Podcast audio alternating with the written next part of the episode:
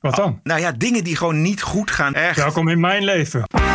This is the TPO podcast. Zware misdaad, oorzaak ongelijkheid. Hoe, hoe groter de ongelijkheid, hoe groter de risico's ook voor om in te stappen in die georganiseerde criminaliteit. Amerikaanse komiek op de tocht bij Netflix. En wel hierom. I am not saying that the trans women aren't women. De beste vraag ooit die je aan een wethouder van GroenLinks kunt stellen. Ja, we kennen GroenLinks als een partij met een hele grote mond over diversiteit. Dus mijn vraag aan de heer Kapteins is waarom hij allerlei mensen van kleur opzij heeft geduwd om nu zelf zes maanden zijn zakken te gaan vullen. Aflevering 291. Ranting and Reason. Bert Bresson, Roderick Phalo. This is the award winning TPO podcast. Goedenavond Bert. Hé, goedenavond. Ja, we zaten nog eventjes te praten vlak voor de uitzending over hoe onhandig wij zijn met huiselijke klussen. Verschrikkelijk, Niet- echt. Niet alleen met huiselijke klussen.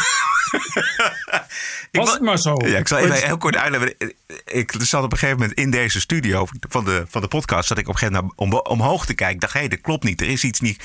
Iets klopt er niet in mijn uitzicht. En toen bleek dat het spotje wat hier hangt, dat dat uit het, het plafond was gevallen. Dus ik een nieuw spotje besteld.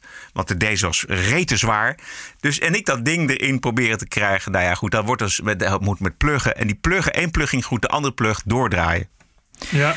En Ja. dat gaat maar zo door. Dus Het volgens wordt mij. steeds erger meestal dan. Oh man, en het is niet alleen het sportje. Ik ben niet handig daarin. Maar ik- Nee, maar dat is volgens mij het verschil. Ik heb dat ook. Ik heb zeker als ik moet boren. Het, is, het eerste gat is altijd verkeerd. Dan moet het daarna weer opnieuw en zo.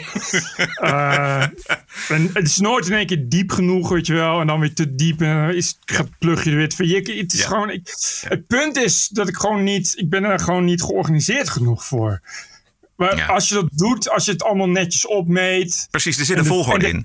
En de tijd neemt, een beetje gewoon normaal aftekent. Ja. En het eerst bestudeert. Weet je, dan Ja. gaat het goed. Maar ik, dat, dat, ik heb er gewoon niet. Ik wil gewoon dat het af is. En dan denk ik, verdam maar zo. En dan eh, hang je het gewoon een beetje op. En dan hangt je sportje half los. Als, als zijn eigen draden. En dan, weet je, en, eh, Ja. Terwijl, en dan, je, dan zie je het bij anderen die dat wel kunnen. En dan denk je, hè? Ja. Ja. Hoe krijgen die dat allemaal zo netjes weggewerkt? ja, ik had zo'n je, vader. dat is vreselijk. Ja. Ja, ja. die kunnen dat. En, dan, Ja. en, als het, en, mijn, en mijn vader ook. Je, en dan denk ik, ja, die mensen die kunnen dat wel. En dan moet ik dat toch ook kunnen. Want het zijn, dan denk je, het zijn hele simpele dingen. Het is verder allemaal heel logisch. Ja. Doe je boord een gat en dan moet een schroefje in. En dan is er een haakje waar dat dan kan ophangen. Ja, het, het lukt toch gewoon niet. Je moet een beetje eh, dus geduld hebben. Ik Ja, zo niet. En zin in hebben en dat leuk vinden. Nee. Maar goed, wij kunnen weer andere dingen. Wij, wij kunnen weer andere dingen. Eh, ja, Nou ja, of, of niet. Maar- Maar goed, dat maakt niet uit. Maar dat maak ik mezelf wijs. we proberen dat dan. Precies. Ik kom, ik kom trouwens net uit de Gerard Douwstraat hier in de Amsterdamse Pijp. En je moet de hartelijke groeten hebben van Arthur van Amerongen. Van Oh, was hij daar? Martin Koolhoven, Hans van Willigenburg, Stefan Kierak Ruitenbeek en nog heel veel andere leuke mensen die allemaal Oh. vroegen: hoe is het met Bert? Wat, eh, was er weer een boekpresentatie Ja. of zo? Er was een, Ah, boek, oké. er was een boekpresentatie in een boekwinkeltje van de wijngids voor de Algarve en de Alentejo. Oh, dat zal inderdaad de van Ja, Amerongen is, zijn. een- die Alentejo dat is een streek boven de Algarve. En Ja. ik, heb beloofd de, zijn wijngids even te pluggen hier in de podcast. Heel goed. Ik heb begrepen dat ze 50 dagen op pad zijn geweest om alle bodega's, eh adega's zijn dat in het, in het Portugees, om die af te gaan. En het, ik moet zeggen, het is een fantastisch mooi boekje geworden. En dat zeg ik niet omdat het van Arthur van Amerongen is. Ik weet niet wie, met wie die het heeft gedaan. Ja, met eh, Reggie Smit. Zegt Die die nou iets? Nee, Nee. mij ook niet. Maar ehm Reggie heeft gereden. En ze hebben samen dus, ehm, nou ja, toch echt wel 50 dagen zijn ze op pad geweest. En met foto's en geweldige tips. Het is eigenlijk een soort roadmovie langs de Ja. beste Portugese wijnen, maar dan geschreven. In Maar dit boek, Ja? en het boek heet De Wijngids voor de Algarve en de Alentejo. Ja, Arthur van Amerongen is een geweldig schrijver. Absoluut. Je het, eh, als een andere boeken zijn ook aan te bevelen. Nou goed, als je dus een wijnliefhebber bent of dat wil worden, koop dat boek. Right. Maandagavond, 11 oktober. Het is eh, Coming Out Day, Bert. Het ging uh, eindelijk eens over lesbo's, homo's, trans mensen en alle andere non-hetero's. Ja, uh, heel goed. Hebben we het nooit over. over. Precies. Dus, heel fijn. Nou goed, straks meer in de Wokweek. Vandaag kregen we trouwens ook um, het nieuws dat de moordenaars van advocaat Dirk van Wiersum 30 jaar cel krijgen. In Buitenhof zat afgelopen zondag een hele, de hele top van de politie eigenlijk over de bestrijding van de georganiseerde misdaad. Ja. En, er werden paar interessante dingen gezegd. ging uiteraard over de arrestatie van de advocaat van hoofdverdachte Taghi. Het Openbaar Ministerie verdenkt hem ervan dat hij berichten van Taghi naar de buitenwereld bracht. En dan gaat het over informatie van gevangenispersoneel, witwasactiviteiten, et cetera. Wat dacht u toen u dat bericht hoorde? Want dit gebeurt in de strengst bewaakte gevangenis van Nederland, de EBI. Ja, schokkend. Um, als je kijkt naar, of als je het hebt over voortgezet crimineel handelen vanuit, uh, ja, vanuit detentie. Dit is regio-politiechef Gerda van Leeuwen. Mm -hmm. Dat is al iets wat langer speelt, waar we ook onze zorgen over hebben. Die hebben we ook meerdere malen uitgesproken. Onze rechercheurs, dat is een doorn in het oog, hè, want het frustreert ook het opsporingsonderzoek. Maar dat het ook in de EBI gebeurt, dat is uh, ja, des te zorgwekkender. Uh, het onderzoek loopt natuurlijk. Hè. Maar de vraag is natuurlijk dat de georganiseerde misdaad kan doordringen door de muren van de extra beveiligde inrichting, want daar staat EBI voor. En vrijuit kan communiceren met een topcrimineel wiens opdrachten weer naar buiten gaan via zijn advocaat. Ja, dat is, dat is een grote zorg. Ja, een grote zorg. Maar het is natuurlijk de wetgeving wat een probleem is. Precies. Um, inkomensverschillen waren vroeger uh, heel groot. Misschien wel even groot als nu. Maar toen was de misdaad nog klein. Maar politiechef Sitalsing, uh, hij van de politiehoofddoek, die zegt dat het ja, allemaal te maken heeft met ongelijkheid. Hoe, hoe groter de ongelijkheid, hoe groter de risico's ook voor om in te stappen in die georganiseerde criminaliteit. We zien jongeren van groep 8 die ja. al gerecruiteerd worden om in die georganiseerde groep criminaliteit. 8, dus 11, 12 groep jaar. 8 is 11, 12 jaar. Wat doen die dan? Jongens die pakketjes moeten rondbrengen, die eigenlijk faciliteren om die georganiseerde criminaliteit in stand te houden. En die eenmaal in, die, in dat circuit terechtkomen, er ook niet meer uitkomen. Ja, alsof je met ongelijkheid uh, de verlokkingen zou kunnen elimineren die wat is het, een paar ja. honderd euro, een paar duizend euro. Dat, dat, is dus heel simpel. Dan moeten rijken gewoon meer belasting betalen. En dan moeten we meer subsidie en ja. bijstand in uitkeringen moeten dan naar die mensen. En dan houdt de misdaad vanzelf op. Ja. Want Kijk, het komt allemaal door de omstandigheden van buiten. Het is allemaal de schuld van anderen. Ja, vooral de ongelijkheid. Weet je, dat ja, is, ongelijkheid. Dit, dit is, dit is zo'n. De is, armoede. De armoede cliché. Nou ja, wat ging het maar over armoede? Kijk, misschien moeten we toch iets doen aan de omstandigheden in die wijk. Daar kan ik me iets bij voorstellen. Maar dat je komt met ongelijkheid. Dus het was een zinnig gesprek, maar op een gegeven moment gaat het dan toch weer die kant op. En dan zit er ook nog een Jan van Zanen, de burgemeester van Den Haag op dit moment. En die stapt daar gewoon in. Dat er in wijken mensen zijn die tien jaar korter leven. Dat er in wijken uh, uh, uh, kinderen zijn die standaard een, een lager schooladvies krijgen. Mm -hmm. Ja, dat moeten we doorbreken, omdat anders de voedingsbodem voor het verkeerde pad. nou, dan is het dweilen met de kraan op. Ja. ja. Het lastige vind ik hieraan dat je weggaat van alle andere oorzaken waarom Nederland zo'n belangrijk centrum voor de georganiseerde misdaad is. Dat heeft allerlei met, met, met, gedoogcultuur te maken, uh, met allerlei andere zaken die in jaren zijn opgebouwd en die helemaal niks te maken hebben met ongelijkheid of de omstandigheden in een wijk. Ik denk dat er heel veel mensen in de criminaliteit zijn beland nadat de Belastingdienst onterecht toeslagen terugvorderden.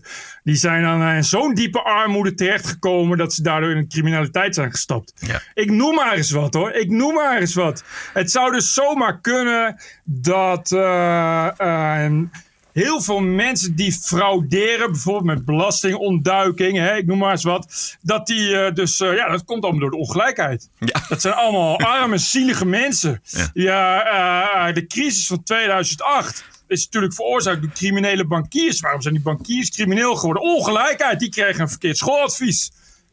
Want Precies. ja, Ja. criminaliteit komt door ongelijkheid. Dus dan zal dat altijd wel zo zijn, hè? Oh nee, wacht. Ja, ik vertelde net dat ik uit, uit de pijp kwam en daar tegenover ligt de Diamantbuurt. En de Diamantbuurt, dat is, daar hebben we in de jaren negentig, toen Job Cohen burgemeester van Amsterdam was, heeft daar de boel gewoon lekker op zijn beloop gelaten. Terwijl daar toch echt signalen vandaan kwamen. Wa- waarvan mensen dachten, oh, gaat dit al wel helemaal goed? Dit gaat helemaal niet goed. Homoseksuele eh, echtparen die werden weggepest, t- terreur op straat. En eh, het recept van Job Cohen was thee drinken. Ja, dit klopt. Het recept was thee drinken. Vooral niet zeggen, want dat is stigmatiserend. Volgens mij is het een, een belangrijke voorwaarde om in de criminaliteit te stappen. eh, om jongetjes van eh, 12 jaar te ronselen. En die jongetjes van 12 jaar doen het ook. Omdat ze weten dat de pakkans heel klein is. En dat als ze gepakt worden, dat ze toch geen straf krijgen. Omdat ze toch minderjarig zijn. En anders een taakstraf. Ja. Volgens mij is dat een belangrijke voorwaarde om in de criminaliteit te gaan. In plaats van ongelijkheid. Volgens mij, als je weet dat je, dat je heel serieus wordt aangepakt en dat je daar ook niet meer aan eh, ontkomt. En dat er ook gewoon eh, serieus hard wordt gestraft en dat je dat echt gaat voelen. Dan neem je al een hele belangrijke voedingsbodem neem je weg om in de criminaliteit te gaan.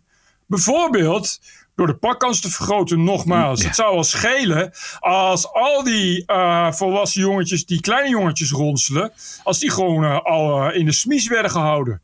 Zodat je kan voorkomen dat ze jongetjes ronselen. Noem maar eens iets heel geks. Hè? Als je een wapenwet hebt, dus dat je zegt van ja, alleen de politie en het leger mogen vuurwapens gebruiken. Dat je dan ook actief iets gaat tegen gaat doen. Dat er eh, eh, op de zwarte markt wapens worden verhandeld. Dus niet dat je eigenlijk voor een paar tientjes een handgranaat kunt kopen in Amsterdam. Of dat je op elke hoek wel aan iemand kunt vragen: Weet jij misschien waar ik een paar Kalashnikovs kan kopen voor een paar honderd euro? Het zou schelen als je daar dan al zeg maar, zou gaan optreden. Ja. Dat, dat zou een hoop, denk ik, een hoop voedingsbodem wegnemen. En dan, het wordt lastig iemand neer te schieten als je niet aan een vuurwapen kunt komen, denk ik. Dat denk ik ook. Ik vond het opvallend dat daar dan weer grote sociale oorzaken worden ge- gezocht en gevonden ook. Ik vind het vooral problematisch dat uitgerekend de baas van de politie dat doet. Ja. Maar goed, die is volgens mij ingehuurd om eh, dus inderdaad de politie een dergelijk deugend gezicht te geven. Oh, maar jongen. Het zou, leuk, het zou leuker zijn als er gewoon mensen worden ingehuurd die ervoor zorgen dat de politie ook een serieuze macht weer wordt op straat. Ja. Ik, Ja. ik denk, maar dat, is dan, dat heb ik dan. eh, ik denk dan dat dat heel belangrijk is voor de politie. Maar goed, wie ben ik? Ik denk dat het helemaal verkeerd schijnt. Het is veel belangrijker dat er hoofddoekjes komen bij de politie. Ja. En dat de ongelijkheid wordt bestreden. Zodat de politie vaak op iftar kan tijdens de Ramadan. Dat is ook heel belangrijk. Ik vrees eigenlijk dat het al behoorlijk diep in die organisatie verweven is. Het woke gedachtegoed. Ik heb op eh, Fox News al regelmatig politiecommissarissen gezien. Waarvan ik dacht, volgens mij is dit inderdaad wat je wilt van een commissaris. Iemand met een pet en heel veel sterren. Die inderdaad recht in de camera zegt dat als je die boefjes tegen gaat komen, dat ze dan heel lang heel erg veel berouw gaan hebben. Weet je, dat soort mensen moet je hebben bij de Ja. politie. Ja. Ja. Of, of, eh, of eh, ik heb laatst ook een film, ik weet niet, dat is super grappig. Dus dat was een huis waar al jaren drugsoverlast is. En toen ging die commissaris met al zijn agenten, die stonden voor dat huis. En die hielden gewoon een heel verhaal van recht in de camera. Als we jullie nu nog een keer betrappen, dan komen al deze mensen gewapende hand komen naar jullie huis toe. En dan worden jullie opgepakt. En ik kan je nu al vertellen dat dat dan niet zachtzinnig gebeurt. En dat de rechter en de openbare aanklager ook helemaal klaar is na jaren van drugsoverlast. Ja. Weet je, dat je denkt, volgens mij is dat wat je moet hebben bij de politie. Ja. Namelijk iemand die zegt, er zijn heel veel vrijheden en zo. We hebben een rechtsstaat en, en, en, eh, en, en, en we lopen je niet in de weg. Maar er is een grens, die wordt ons ook opgedragen van hier is de wet, hier is de grens. Als je die oversteekt, dan staan wij er. En denk erom, we staan er ook. Precies. This is the TPO podcast. Twee kanalen van de complot Wappie Fanaat op Telegram zijn gesloten door de politie. Dat is Oh, eigenlijk ja. voor het eerst dat dat gebeurd is vanwege bedreigingen van onder meer ziekenhuispersoneel en eh, Jaap van Dissel. Die worden ook bedreigd. En het Ja. zijn mensen die heilig overtuigd zijn van hun eigen leugens. En dat is allemaal nog niet zo heel erg als ze het maar niet verspreiden en ophitsen. En dat gebeurt wel. Het is even los van wat je ervan vindt. Maar het is, het is een uniek moment eigenlijk in Nederland. Dat Ja. er dus social media worden afgesloten op nou, deze manier. het is wel eerder gebeurd met, met Instagram. Uh, en weet je, oh, dat is, en dat is dan als je dan uh, uh, wapens verhandelt via Instagram en dat soort dingen. Ja. Maar dit is wel vrij uniek, ja. Dat, het, dat er echt een mandaat is om, om nou, toch wel, laten we zeggen, die vrije meningsuiting aan banden te kunnen leggen. Ja. dat het ook lukt, vind ik al heel wat. Dat Telegram, ik weet niet waar dit zit. Kan maar niet. niet. in Nederland lijkt me. Het lijkt me niet een bedrijf wat heel makkelijk ook meewerkt aan het sluiten van kanalen. Uh, dus dat kost wel, uh, kost wel heel veel tijd en moeite. Wat ik alleen niet snap is, uh, ja, je kan die kanalen sluiten. Maar volgens mij dat soort wappies, die hebben zo weer honderd nieuwe kanalen in de lucht. Dat zou kunnen. Maar hier is volgens mij, zoals ik het goed lees, is hier echt de wet overtreden. Dus met bedreigingen. Ja, ja precies. Um, uh, en ophitsen. En er is dus echt ziekenhuispersoneel bedreigd. Ja, dan, dan overtreed je de wet. En dan kun je dus blijkbaar volgens het OM uh, dit soort stappen nemen. Dat... Ja, maar het punt is dat dat, dat kon normaal ook al, omdat het gewoon uh, in Nederland in de wet staat. Mhm. In Nederland is, is de, de, de grondwet en vrijheid van meningsuiting beperkt hè, daarin. Uh, het is alleen heel moeilijk, omdat die bedrijven, net als Facebook en zo, die, die werken daar niet aan mee, weet je. Dus ik, en dat het uitgerekend bij Telegram, wat toch een soort... Ja, vrijplaats. Soort, soort als u uh, niet op WhatsApp wilt zitten, moet u naar Telegram, weet je wel. Ja. Het is inderdaad een vrijplaats. Dat het daar lukt, is, is, al, uh, is al heel wat. Het is wel een beetje een slag voor, uh, voor inderdaad dit soort lieden. Ja. Ja. Omdat het echt een broedplaats is van criminaliteit. Het probleem is inderdaad dat je... Dit waren ook wel lui die, die inderdaad kanalen hebben met echt heel veel volgers. Ja. Dus, je, dus je beïnvloedt ook uh, met zo'n kanaal telkens heel veel mensen tegelijkertijd. En dat is, dat is wel echt een, een, een gevaar ja, op zich. De vraag of het zinnig is, weet ik niet. Maar Ja. ik denk, het is wel een, wel een symbolisch is het in elk geval van waarde. Dat je inderdaad kunt laten zien van ja, kijk, uh, wij kunnen dit. Ja, en we laten het er niet bij zitten. We laten het er niet bij zitten. Hè. En als je ermee doorgaat, gaan we het, gewoon, gaan we het toch gewoon ook echt doen. Ja. Bedreigd sowieso is natuurlijk eh, de, de wet overtreden. Maar als je dan ook nog oproept om mensen te bedreigen, dan ga je wel heel erg te schreven over. Nou, dat vind ik ook. Ik ben er ook al, een stuk genuanceerder in dan vroeger. Vroeger was ik uh, pro-vrijheid en vrijheid van meningsuiting. Maar uh, laten we zeggen dat die social media me steeds meer tegen beginnen te staan. En ik steeds meer begrip begin op te brengen voor uh, in elk geval eventuele gedachten over vormen van inperkingen ervan. Omdat ik wel, uh, ik heb zo'n beetje die Facebook-files gevolgd uh, de afgelopen maanden. Met als, als hoogtepunt die, die, die klokkenluider, die uh, door de Senaat ja. aan het pand wordt gevoeld. En Facebook voor de zoveelste keer zich moet verantwoorden voor de Senaat. Uh, ah, ik begin er wel voor te voelen als je leest wat. Uh, kijk, dat, dat Facebook. Um, dat, dat zegt van ja, we doen van alles en zo. En dat zou wel. Alleen uh, in, in Ethiopië en Myanmar en zo uh, leidde dat Facebook gewoon tot genocide. Ja. Wat, wat, ik bedoel, dat je denkt van hoe slaap je als Mark Zuckerberg met de gedachte dat wat jij hebt uitgevonden een middel is geworden om genocide aan te wakkeren. Dat lijkt me toch, uh, toch niet iets waar je makkelijk bij slaapt. Nee. en dan blijkt dat uh, niet alleen het niet willen, maar het ook niet kunnen. Want dan, dan in Ethiopië, dat heeft dan 150 dialecten. Uh, en Facebook heeft één Ethiopiër in dienst. Dus, dus met, door de taal is het al, uh, blijkt het een enorm probleem te zijn. Ja. En dan denk ik van ja, ik begrijp wel dat je daar... Dat je dan zegt van, doe daar in godsnaam iets aan. Want ik vind wel dat, dat ja, dat heb je natuurlijk door de jaren heen ook wel meegekregen. Is dat dat uh, social media toch wel soms een enorm machtige machine is geworden. Nou, kijk, die je niet kunt het, zo is bedoeld. Precies, je kunt het vergelijken met het, het pre-internet uh, tijdperk uh, in de jaren negentig. Dus de, de genocide in Rwanda tussen de Hutus en de, en de Tutsis. Daar waren radiostations ja. waar mensen dus opriepen om de ander uit, te, uit te moorden. Ja, die radiozenders die laat je ook niet in de lucht als je de nee, mogelijkheid precies. hebt om die uh, het zwijgen op te leggen. Op zich vind ik dat prima. Hè? Als, je, als je het vanuit de kant bekijkt van ja, maar je, je wilt uh, dat bedrijven zo min mogelijk overheidsinvloed hebben. Dat, dat is zo. Alleen het is ook een heel machtig wapen geworden op deze manier. Dat lijkt me helemaal niet wenselijk om daar dan zo weinig invloed op te hebben. Precies. En bovendien en is... Is het, kan het ook zo zijn dat die, en dat, zo is het ook, dat, dat die bedrijven, Google en Facebook, dat die zelf nu richtlijnen bepalen die ook de vrijheid van meningsuiting aantasten. Want die zeggen gewoon, ja, wij, dit zijn onze communityregels. Dus Donald Trump moet opzouten van onze Twitter-account. Dan heb ik liever misschien wel een overheid die zegt, als het gaat om het bedreigen van mensen, wij trekken hier een streep. Exact. En dat probleem is ontstaan doordat die techbedrijven hebben gezegd: wij willen een uitzondering zijn. We willen geen uitgeverij zijn, zodat we verantwoordelijk kunnen worden gehouden van de content, omdat het user-generated content is. Dus hebben ze gezegd: oké, we gaan wel uh, regels stellen, ook op aandringen van de overheid. Zeg, je moet iets tegen haatzaaien doen, je moet iets tegen racisme doen, je moet iets tegen bedreigingen doen, et cetera, et cetera. En dan krijg je dat de regels niet meer algemeen geldend zijn dan krijg je dat Donald Trump wel weg moet. Maar uh, iemand die dan toevallig vriendje is van Zuckerberg of zo, weet je, die hoeft niet. Ja. Of dat je in, in Myanmar mag je wel oproepen om, om mensen af te maken. Ja, willekeur. Dan krijg je die willekeur, terwijl je dus moeten hebben van, nou ja, oké, maar als je nou iedereen aan dezelfde wet houdt, dan wordt dat een stuk eenvoudiger. Dan heb je die willekeur niet. En dan is ook die vrijheid van meningsuiting niet meer in gevaar, omdat je dan de rechter kan zeggen, ja, sorry, maar dit gaat niet over de schreef. En je kan uh, Donald Trump niet zomaar tegenhouden. Het is een gekozen president.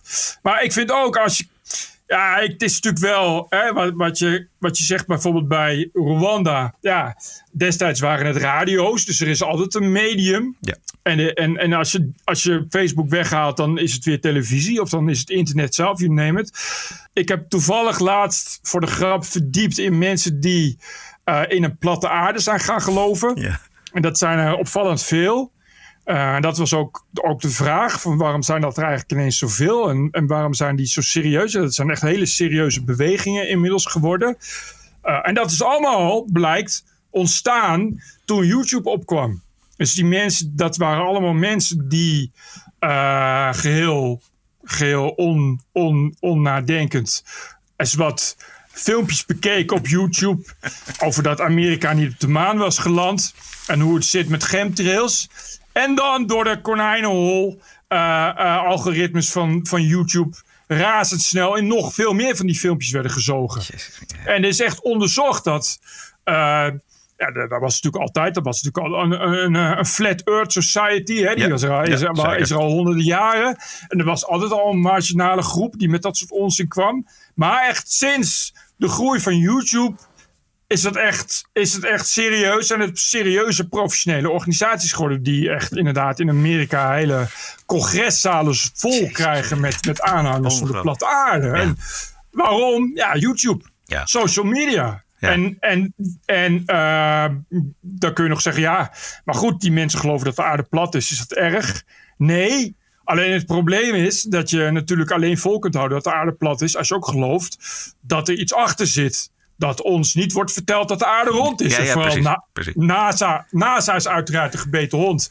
Want die laten de hele tijd foto's zien van een ronde aarde. dus ja, je Indoctrinatie. begrijpt. Precies. Je nee. begrijpt, die zitten erin. Ja, exact. Nee, maar dat, dit is het. En dan nog kun je zeggen, nou oké, laat die mensen dat lekker geloven en met elkaar delen. Dan is op zich, zou daar, als het beperkt blijft, eh, tot dit, zou het op zich niet zo heel veel uitmaken. Maar als je dus mensen eh, kunt wijsmaken dat de aarde plat is, dan kun je mensen alles wijsmaken. En dan kun je ook de, Nou ja. het, het gevaar opzoeken. Dan kun je ook op een gegeven moment wen- mensen wijsmaken dat mensen van een bepaalde cultuur of een, of een huidskleur Exact. of wat dan ook, dat dat hele gevaarlijke mensen zijn. En dat is dus wat er gebeurt. En dan, dat is net als met die kapitoolrollen. Dan zegt, ze, dan zegt Facebook van ja, wij hebben daar niks mee te maken. Want het is niet, echt niet alleen door onze algoritmes gekomen dat die mensen eh, massaal met elkaar hebben afgesproken. Dat klopt. Alleen het probleem is dat een groot gedeelte van die mensen die tot die stap zijn gekomen, eh, eh, ooit normaal waren. En ooit op Facebook ergens terecht kwamen. En steeds, steeds verder zijn gerold. Net zo ver tot ze, tot ze eh, QAnon shit zijn gaan geloven. Wat verder niet zoveel met Facebook heeft te maken. Hè? Dat is echt iets van, van 4chan en zo. Dat is echt iets van het, van het open internet. Het probleem is alleen dat je op het moment dat je eh, daarin terechtkomt en je geneigd bent dat soort dingen te geloven, moet je ook verder. Om, omdat je dus niet kunt geloven dat de aarde plat is, zonder ook te geloven dat NASA een complot is. Ja. En dat er uiteraard een, eh, een, een groep, een groep elite achter zit, die et cetera, et cetera. En zo gaat dat steeds verder natuurlijk. Je ontkomt daar niet aan.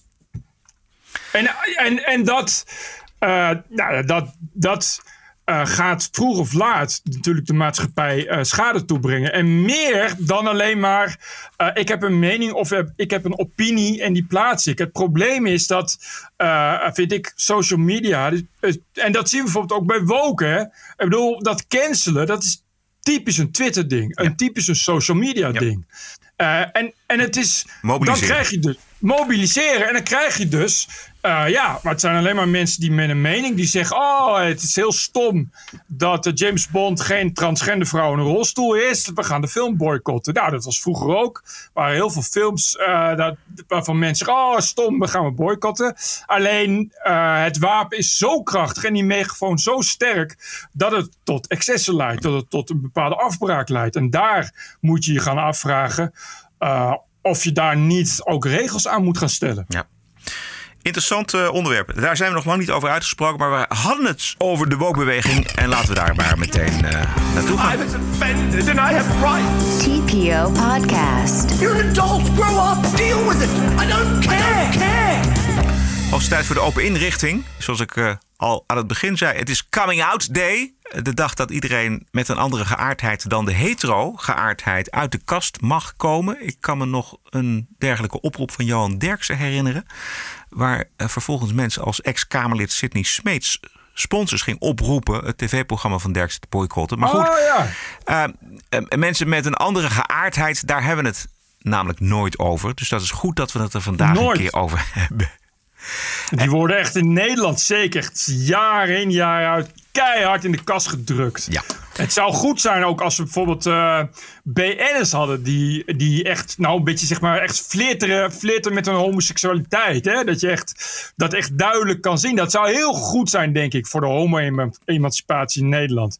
Maar ja, nee, Nederland is helemaal gesloten. Hè? Je mag echt geen eh, openlijk homo zijn. Dat is jammer. Alle D66-politici die hebben vandaag een hart onder de riem achtergelaten op de sociale Och. media's. En ook de reguliere media, die wisten de D66'ers weer heel goed te vinden.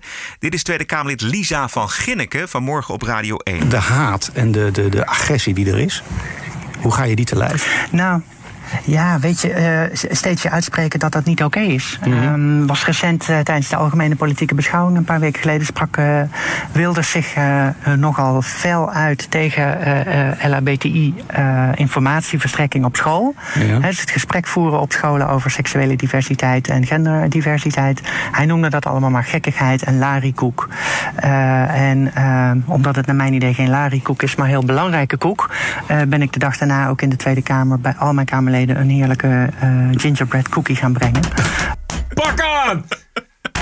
Ah, ja, maar goed, maar dit, dit zeggen ze. Dit, is, dit vind ik ook zo flauw. Dat zeggen ze bij critical race theory ook. Weet je, als ouders erover klagen, zeggen ze van. Oh, oh, die ouders zijn er zeker tegen. Dat we, dat, we, dat we minderheidsgroepen een beetje leren beschermen bij kinderen. Alsof Wilders het alleen maar had over, over eh, normale informatie op scholen over homoseksualiteit. Weet je wel? Nee, maar dit is er wordt weer met de haren bijgesleept. Het grote kwaad Wilders en de genderkoek. Ja, wat je krijgt het op een presenteerblaadje aangereikt van eh, de firma D66. Heeft Sjoerd Sjoerds maar al wat Nee, gezegd? nog, nog Dus, helemaal eh, niks. steeds, eh, Wat, we ook, ik, ik- wat ik miste in het gesprek met deze Lisa van Ginneken... wat volgens mij een transgender is, want ze klonk een beetje met een lage te stem. horen wel, hè? Geen- Het is wel kwetsend als je dat zegt, Nou, denk ik. het maakt mij niet uit. Eh, geen nul kritische vragen over 30 jaar wegkijken bij de daders van anti-homo geweld. En Urk dan? De, de formatiegesprekken zijn gaande. Hè? Sigrid Kaag en Rob Jetten. En hebben zij het, eh, even heel eerlijk, hoog genoeg op de agenda staan? Nou, iedereen die Rob Jetten kent, die weet dat, eh, dat hij dit eh, heel belangrijk vindt. En Sigrid eh, Kaag vindt dit ook ontzettend belangrijk. Is Maar ik zie er niet meteen een breekpunt eh, in, of wel? Alle partijen die nu eh, ook met ons aan de formatietafel eh, zijn gaan zitten, die weten dat eh, LHBTI-rechten eh, al decennia lang in goede handen zijn bij D66. Dus eh, eh, zij weten waar ze aan beginnen. Oké, daar zal het niet aan Dus liggen. we, gaan zien eh, waar, het, waar het proces uitkomt. Dankjewel, Lisa van Ginneken. Barbara Barend, goedemorgen. Right. Eh, ja, dit, deze zag je aankomen. De hele, de hele, Dit- dit was echt de hele ochtend op Radio 1 in het kader Mooi, van ja, jongen, de coming out day. Maar eh, eh, ik, we- welke rechten willen homoseksuelen nog meer dan? Want Nee. dit, ik, je, wat, dat is zoiets. Ja, nee, formatiebesprekingen, eh rechten voor homoseksuelen. Ja. Wat in Nederland. Wil ik, er zijn denk ik geen, geen rechten meer die je nog kunt toevoegen. Ik heb Nee, nee. niet het idee dat je als homo in Nederland nog kan zeggen... nou, goh, had ik nu maar net zoveel rechten als alle andere mensen of zo. Wat het probleem voor homoseksuelen in Nederland is, is natuurlijk het geweld. Ja. En, en dat komt ergens vandaan. Maar goed, daar hebben we het vaak genoeg over. Ja, in, in deze, in, ja. Daar hebben we het vaak genoeg over in deze podcast. Maar, maar daar horen we ze dus niet over. Weet je wel? Dus, dus je kunt eindeloos doorpraten over. eh, eh, nou, meer rechten, meer acceptatie, meer uitleggen op scholen. Meer regenboogzebrapaden. Ja, dat soort dingen. Regenboogvlaggen. Ja. En ja, ja ik, maar goed, eh, ik las vandaag eh, dat Rotterdam, dat, eh, dat de politie daar zegt dat, dat het steeds gewelddadiger wordt. Geweld tegen homoseksuelen. En dat er ook homo's worden ontvoerd en dat soort dingen. En dat is vooral een probleem dat zich afspeelt in, in de online dating scene. Want dan, daar zitten dus veel gekken die homo's in elkaar willen slaan. En doen zich dan voor als, als dat ze een afspraakje willen. En, en die mensen die, ja, die hebben dan een afspraakje ergens langs de snelweg of in een donker bos. Eh, met alle gevolgen van dien. Ja, ik zou zeggen, dan moet je daar eh, tegen optreden. En maar dan moet je ook benoemen waar dat vandaan komt. Juist, ja. Maar dus niet uit Urk, volgens mij. Ik heb toch niet, niet echt gehoord eh, dat er in Urk weerspraak is van een ontvoerde homo. Of, of eh, een in elkaar geslagen homo in een homobos. Dus Maar dat is, zo, dat is zo ergelijk aan deze dag. eh, en aan die politici die we horen. Dat het allemaal weer het eigen karretje is. En dat, we, dat het allemaal eigen puntjes maken. En het is ook vreselijk dat daar dan op zo'n radiozender en, en in kranten verder niet het echte probleem wordt aangesneden. Namelijk het geweld tegen homoseksuelen. Integendeel. Ik zag vandaag weer heel veel artikelen die ik al honderdduizend keer heb gelezen. Ja. Over, over, over iemand die transgender is of een homoseksueel. En vertelt hoe dat is. In het AD en RTL, Volk Nieuws en, eh, en, eh, en alle, alle andere eh, platformen. Ik vond het heel raar omdat dat normaal ook al zo is. Dus ik weet niet wat dat coming out day dan anders maakt. Ik heb een beetje het idee dat het in sommige media elke dag coming out day is. Dus eh, dat eh, lijkt me niet echt heel veel bijdragen. Nou, er is wel een nieuwe Maar- groep ontdekt. Ja, maar wat dan? Ja? De bi. Nee, ik. En dat is? De bi. De biseksueel. Ja.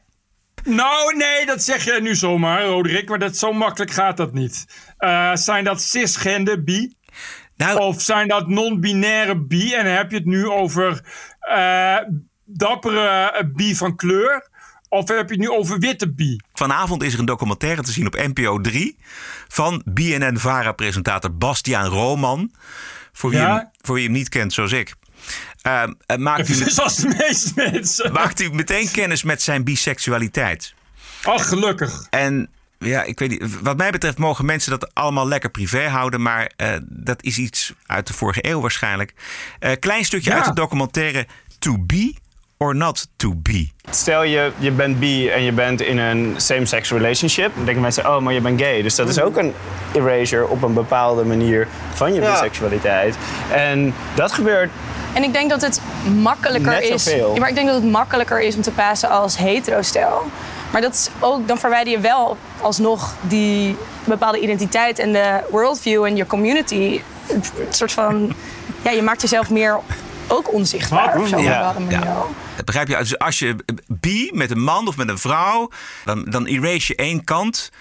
En dan heb je toch nog ook je worldview en je community. eh, dus daar gaat het over. Ik heb eh, eh, genoeg gehoord. Ik hoef, ik hoef niet echt ook het fragment te zien verder. eh. Ik denk ook, denk ook niet dat traditioneel, sowieso traditioneel op NPO 3 hier veel mensen naar gaan kijken. Wat een beetje terecht is zo te horen. Wat ik bedacht is dus dat als het gaat om eh, informatie, want het wordt dan altijd zo gespeeld van ja, als je het dan maar genoeg op scholen doet en als je op scholen drag queens laat voorlezen en weet Ja. ik veel wat en je kinderen, kinderen genderneutraal benieuwd en, en noemt en, en, eh, en, en als je kinderen op hun vierde al hun binariteit laat noemen en weet ik veel wat van onzin en paarse truiendag, dan komt het allemaal goed. Terwijl ik toch altijd denk van is het niet een idee dat je langs moskeeën gaat met een drag queen? Zeker. Om daar te gaat laten voorlezen. Of dat je in moskeeën homoseksuele imams hun homoseksualiteit laat uitdragen. Denk ik hoor. Ik Ja, weet het niet. Ja, Eh, dat is heel raar dat ik dat dan weer nooit hoor. En als dan, uh, als dan drie SGP'ers een of andere Nashville-verklaring ondertekenen, is dat uh, een weeklange opening van het Nationaal. Uh, terwijl als het dan zoals wekelijks op vrijdag in de moskee wordt gepredikt dat je homoseksuelen dan maar van de flat moet gooien, hoor je niks.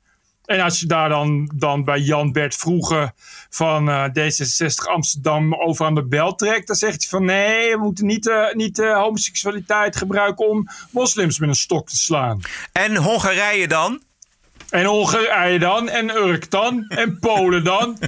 Uh, en, uh, maar oh, ik, ik, wat, ik niet, wat ik niet begrijp is dat die homo-organisaties, dat die niet ingrijpen, dat die niet zeggen, kap er eens even mee.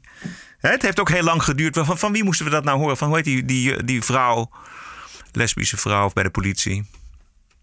Ellie Lust. Ellie Lust, die durfde het op een gegeven moment te zeggen op televisie. Het zijn hoofdzakelijk Marokkanen met een uh, islamitische achtergrond.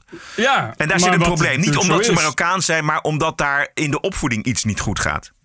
En iedereen had het kunnen bedenken, want uh, ik weet niet hoe het met jou zit, maar ik, ik ben ook uh, in de jaren tachtig opgegroeid. En ik had toen niet het idee dat homoseksualiteit nog iets verbodens was in nee. Nederland. Nee. Weet je, dus ik bedoel, bedoel. Het We is waren niet op de dat goede je- weg, zullen we maar zeggen. Ja, het is nou, ik bedoel, die emancipatie die is toch al heel lang bezig. Eh, en eh, ik woonde op de Veluwe en zelfs daar was het nou niet echt een, eh, schokkend probleem. Dus nou, eh, het lijkt me niet eh, dat, dat, dat daar aan informatie een tekort is. Weet je, ik, dus dan kun je dan nu alweer gaan zeggen: Oh, we moeten dan informatie op scholen, want het begint bij het onderwijs. En als je mensen maar voldoende indoctrineert met regenboogvlaggen, dan komt het allemaal wel goed. Denk ik van ja, volgens mij is dat niet nodig. Volgens mij is het nodig omdat je ah, inderdaad op, op een, eh, een groepje poterammers na. Die zaten op mijn school ook, daar niet van. Natuurlijk zijn er, zijn er heel veel onzekere hetero-jongetjes van 16 die in de kast zitten en moeite hebben met het begrip homoseksualiteit. Maar ik denk dat in Amsterdam. Ja, dat je de emancipatie in, in een, een islamitische cultuur. Ja, die is nog gewoon in, eh, in het jaar 500 na Christus. Ja, ja. Dus, dus daar heb je nog een hele lange weg te gaan. Ja. Maar dan heb je weer kritiek op de multiculturele samenleving. En dat is uit den boze. Dat kan niet. Ja, dat mag niet. Dat ja, mag nou ja, niet. goed. Ja. Prima, maar dan moet je het zelf weten. Het is één van die twee natuurlijk. Het was ook nog eh, Wereldmeisjesdag. Dat is al een stuk lastiger. Want dan heb je het over de discriminatie van meisjes in streng islamitische landen. waar grote belangen op het spel staan. Zoals Saudi-Arabië en de olie, Iran en zijn nucleaire programma. Landen waar meisjes minder dan tweederangs kinderen zijn. Eh, maar daar gaat het dan een stuk minder over op een dag als vandaag. Behalve Shirin Musa van de organisatie Fem for Freedom. die een bericht postte op Twitter dat. En ik lees het nu even voor. 157 likes kreeg en 45 keer werd geretweet. Nou, Ja, wat is het bericht? het bericht gaat over eh, meisjes. Wereldwijd worden miljoenen meisjes nog steeds gediscrimineerd. alleen omdat ze meisjes zijn. Ja. 11 oktober, Wereldmeisjesdag. En dan, dat, daar hoor je helemaal niks over. Nee, eh, ik heb ook gemist dat eh, Unilever een statement maakte in eh, wat dat ze zeiden van nou ja, wij hebben dus een hoofdkantoor in Iran in Teheran. En wij zien dagelijks zien wij hoe, hoe vrouwen worden, worden onderdrukt en minderwaardig worden behandeld.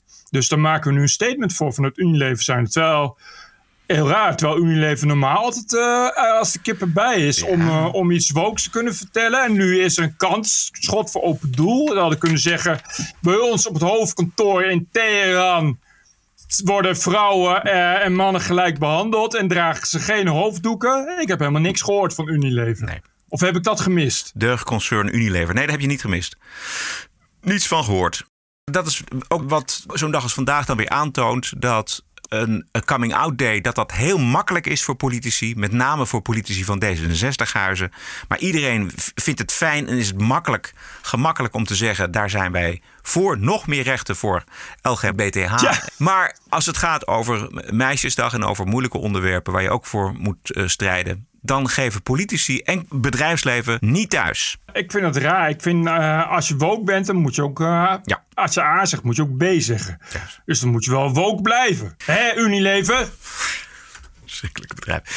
Even lachen. Debat in de Haagse gemeenteraad tussen PVV-raadslid Sebastian Kruis en GroenLinks-fractievoorzitter Arjan Kaptein. Ja, we kennen GroenLinks als een partij met een hele grote mond over diversiteit en over bijvoorbeeld Black Lives Matter. En nu willen we eh, de situatie hebben dat GroenLinks voor bestuursfuncties vraagt aan de stad dat bij gelijke geschiktheid iemand van kleur de voorkeur moet krijgen, zeg maar boven een doorsnee witte deugneus, zou ik maar zeggen. Dus mijn vraag aan de heer kapitein is waarom hij allerlei mensen van kleur opzij heeft geduwd om nu zelf zes maanden zijn zakken te gaan vullen. Fantastische vraag vond ik het. Van eh, PVV-raadslid Sebastian Kruis. En dit is het antwoord van Arjen Kapteins van GroenLinks. Meneer Kapteins, Ja, voorzitter, ik ben me bewust van, van mijn privilege. Dat, dat ik al heel mijn leven eh, kansen krijg die heel veel andere mensen, ook in deze stad, misschien niet gekregen hebben. Ehm, maar eh, het punt wat, wat eh, de heer Kruis hier aansnijdt is natuurlijk precies waarom ik bij GroenLinks zit en wa- waarom ik eh, ook met, met GroenLinks, namens GroenLinks graag eh, onderdeel wil worden van, van het nieuwe college. We moeten juist die kansenongelijkheid, die moeten we bestrijden. Jezus Christus. Oh, man! Wat een flapdrol zeg. Goh, jij kan zichzelf net zo goed nu alweer opheffen. Dit is echt kansloos. Maar daar kom je dus niet uit. Daarom is die nee, vraag zo... natuurlijk niet. En ik vind het heel goed dat die vraag wordt gesteld. En die moet je ook elke keer blijven stellen. Ik vind ook echt dat je elke keer, zeker bij GroenLinks... wat natuurlijk echt, echt, echt zo spier en door en door wit is in alle gelederen... dat je gewoon elke keer die vraag moet stellen. Waar, van waar, waar is de diversiteit? Waarom sta je je plaats niet af aan, eh, aan iemand voor kleur dan? Ja. Het is elke keer dit namelijk. Het is elke keer weer zo'n zo'n hoogopgeleide blanke elite. Ja, en doe dat ook Nou vooral in bedrijven. Doe dat overal waar je bent, Juist. waar je werkt. En waar je weer van een di- diversity officer te horen krijgt dat je te wit bent om je hand op te steken of om een bepaalde baan te krijgen. Hef jezelf eerst maar op. Juist. Dan moeten al die blanken eerst maar zelf plaats maken. Juist. Daarna kunnen we gaan zeiken. Goed zo. Zullen we naar die hele grappige zwarte Amerikaanse comedian Dave Chappelle gaan? Ja, graag. Die heeft namelijk een contract met Netflix voor een aantal shows. Maar eh, transactivisten en deugdmedia die zitten achter Dave aan. Omdat hij onder andere dit zei. Hou je vast. Gender is a fact. You have to look at it from a woman's perspective. Every human being in this room, every human being on earth, had to pass through the legs of a woman to be on earth. That is a fact. Iedereen in de zaal eh, is ter aarde gekomen eh, tussen de benen van een vrouw. En dat is een feit, een biologisch feit. Hij heeft eh, in die show, It's Closer, toch, geloof ik? Eh, die Netflix-show, eh, maakt hij een hele rits van dit soort grappen. en benoemt hij dus, dus het probleem van woke. en, het, en, het, en het gendergejank en noem maar op. Daar heeft hij een reden voor. Hij is, uiteindelijk zegt hij ook van... Nou, ik, ik, een, een, een comedian die is overleden. Het was een goede eh, vriendin van hem. En dat was ook een transgender. Eh, en daarmee wil hij dus inderdaad een, een, een statement maken van, van ja, het wordt niet beter als je, als je daar krampachtig over doet. En als je daar die humor en die vrijheid aanvalt. En, want die overleden vriendin van hem, of vriendin, whatever, eh, die was juist voorstander van inderdaad om, dat, om daarvoor humor te gebruiken en daar die grappen mee te maken. En uiteindelijk zegt hij ook van, eh, weet je, ik wil ik wil eigenlijk juist nooit meer dit soort grappen eh, maken. Maar ik moet ze wel maken, omdat dus kennelijk nog steeds nodig is eh, om, om jullie dit te vertellen. Exact, de kramp. Omdat- Hè, ze- Mensen dit- zitten nog omdat steeds in de die kramp. kramp- Precies. En je kunt beter samen lachen. Precies, en ehm, goed, toen, toen, toen werd hij dus, dus maximaal ge- gecanceld, althans een poging. En hij- daarna heeft hij weer opgetreden voor echt ook weer een soort, soort volle, volle megazaal. Die gast is zo populair. Eh, hij stond voor, eh, voor een uitverkochte eh, ja, Super Bowl-achtige constructie in, in Denver, geloof ik. Eh, en toen toen kwam die op en, en, en werd hij massaal eh, geapplaudiseerd. En, en toen zei hij, nou, als, als dit cancel is, dan, eh, dan, dan vind ik, het eigenlijk, eh, vind ik dat eigenlijk wel prima. En dat vond ik zo mooi, omdat hij precies aangaf waar het om gaat en hoe scheef het zit. Die groep met cancelaars is, is zo miniem en zo klein. Terwijl ehm, ja, hij speelt alleen maar uitverkochte zalen. eh, wereldwijd als het moet. Weet je? Eh, juist omdat hij die grappen maakt. Uh, en, en, en ja, het zijn, het zijn de, re de reviews van zijn show in The Guardian en, en al, die, al die laffe linkse shit. Ja, waren natuurlijk precies dat. Uh, klagen, dat hij grappen maakt of dat soort dingen. Dat hij, uh, dat hij het verkeerd ironiseert. Ja. Dat, hij te, dat het tijd wordt. Dat hij eens een keer gaat doorhebben. Dat de tijd vooruit. Je kent ja, het allemaal wel, het gejammer. Ja. Terwijl hij lacht daarom. Hij en zijn publiek wonen op een totaal andere planeet. Ja. Dat is een hele grote planeet waar ze The Guardian niet lezen. Dat is een hele grote planeet, want die wordt eigenlijk door bijna niemand nog gelezen. Nee. Weet je, en dat is, daar, zo scheef gaat het dus. Precies. Nou las ik op de website Film Totaal dat werknemers bij Netflix nu massaal Ja. ontslag nemen. Ja, net als bij eh, eh, hoe heet het, Spotify gebeurde met Ja. Joe Rogan. Ja. En een daarvan is Jacqueline Moore. Zij is transgender en buitenproducent. En zij schrijft ook mee aan een serie over zwarte mensen.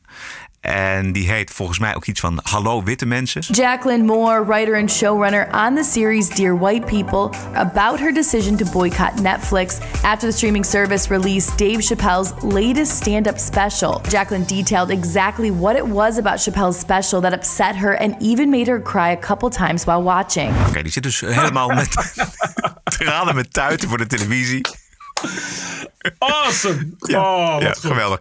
En het ging over het volgende stukje, wil ik toch even laten horen. En dat gaat over de, die hele beroemde transgender, Olympisch kampioene Catherine Jenner. Die ken je misschien nog wel van de cover van Vanity Fair. Daar stond ze als vrouw. Zeer Ja. indrukwekkend, moet ik zeggen. Toch al op leeftijd. En dit was de grap van Chappelle. Caitlyn Jenner, whom I've met, wonderful person. Caitlyn Jenner was voted Woman of the Year. Her first year as a woman. Ain't that something? Beat every bitch in Detroit. She's better than all of you. Never even had a period. Ain't that something? Oh, I'd be mad as shit if I was a woman. I'd be mad if I was me. If I was in a BET Awards sitting there and they're like, and the winner for Nigger of the Year, Eminem, my man. Ja, hij is super grappig.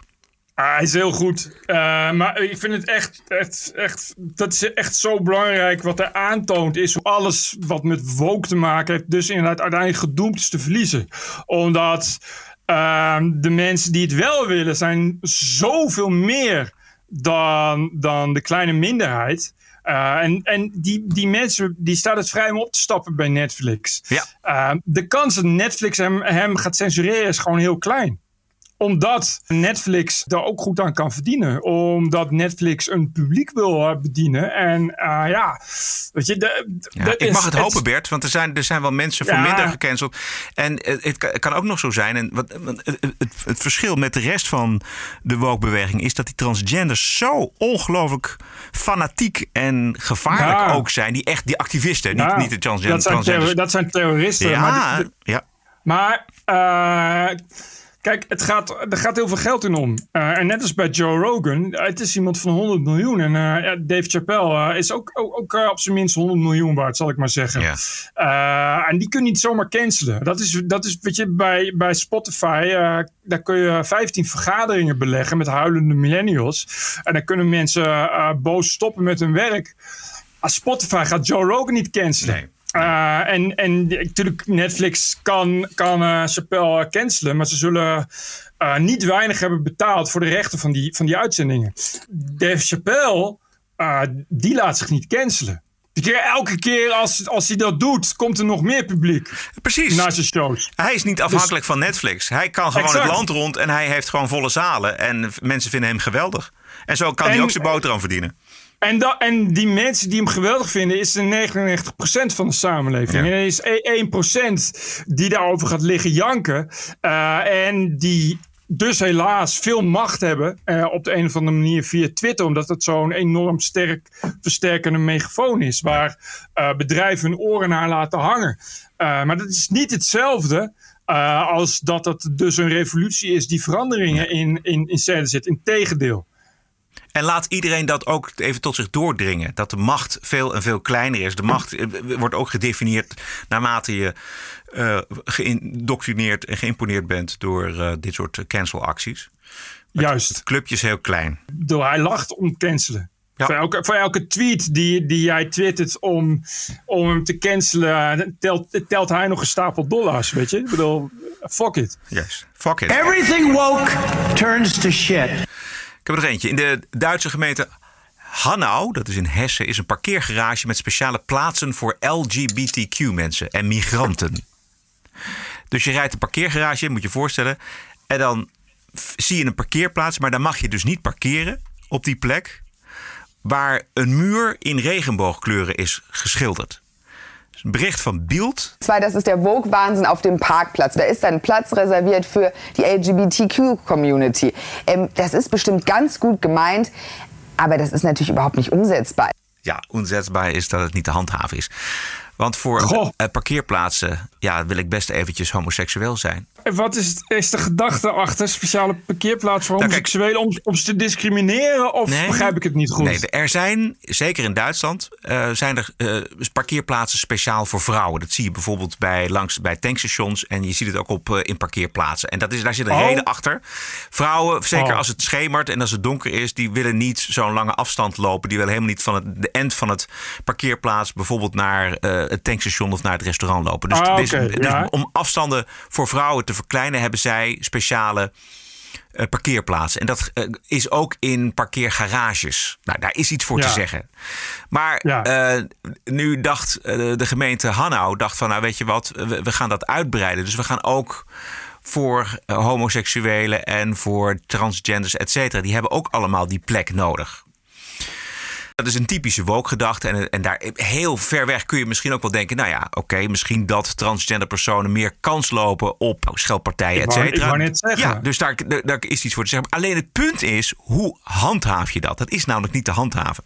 Nou, want het is heel makkelijk zichtbaar dat iemand homoseksueel... Nee, oh nee, Precies, oh, dat bedoel ik. Je, je komt in een parkeergarage en als er elders natuurlijk eh, parkeerplaatsen zijn, dan ga je daar staan. Maar als de hele parkeergarage vol is en je moet eh, nodig ergens zijn, dan doen mensen natuurlijk gewoon alsof ze homoseksueel zijn. En dan parkeren ze op de regenboogparkeerplaats. Ja, ik bedoel, dat doen mensen ook op de gehandicapte parkeerplaats. Ook al krijgen ze daar een boete voor. Dus het feit dat je dan gewoon op een, op, een, op een parkeerplaats kunt gaan staan... terwijl niemand überhaupt kan controleren of je wel of geen homo bent... of weet ik veel wat... Ja, dat lijkt me inderdaad vooral uitnodigen om, om fout te parkeren op plekken waar je niet hoort te parkeren. Maar ik vind het ook een totaal domme, dom idee. Ja, het is niet goed overdacht Een inderdaad. Volstrekt idee. Ook, het is niet dat je als homoseksueel meteen eh, zichtbaar bent als homoseksueel of zo. Of Nou, dat behalve er, dan eh, als je op die parkeerplaats gaat staan, waar een Ja, heel groot. ja, precies. Hè, als je, als je maar heel groot, hier parkeert een homoseksueel. AUB niet lastig vallen Nee. in het donker. Nee. En, en Ja. transgenders is, ja. dat is minder dan een promiel. Dus je moet het ook weer niet groter maken dan het is. Dit was de Wokweek. What a woke week it was. This is the TPO podcast. En als u denkt, waar doen ze het van? TPO Podcast. De TPO-podcast wordt je twee keer per week aangeboden. Zonder subsidie en zonder reclame. En wij doen dat helemaal dankzij jouw donaties. Ranting and Reason. En de mensen die willen schrijven, die hun donatie willen onderbouwen... die kunnen schrijven naar info.tpo.nl. Twee. Oké.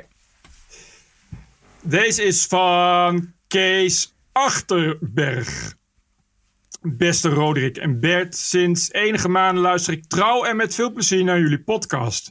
Jullie geluid is uniek, jullie observaties zijn scherp, een genot om naar te luisteren. Ik heb dan ook net mijn bijdrage van 104 euro aan jullie overgemaakt. Geweldig. Vriendelijke groet uit Portugal, Kees. Kees, dankjewel. Dank Kees. hey, voor Kees, eh, die eh, moet dat wel ergens kunnen vinden. De wijngids voor de Algarve en de Alentejo. Ja, wou net zeggen. De Misschien wijngids. kan hij op bezoek bij eh, Arthur. Eh, Jasper Nieuwenhuis.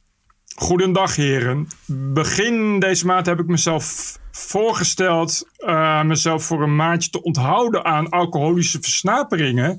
En toen Bert vorige podcast begon over het geld wat je kwijt bent aan, aan bier om dat te doneren aan TPO Podcast, dacht ik bij mezelf, nou, eigenlijk is het ook wel weer eens tijd om te doneren. Dus bij deze 25 euro's richting jullie.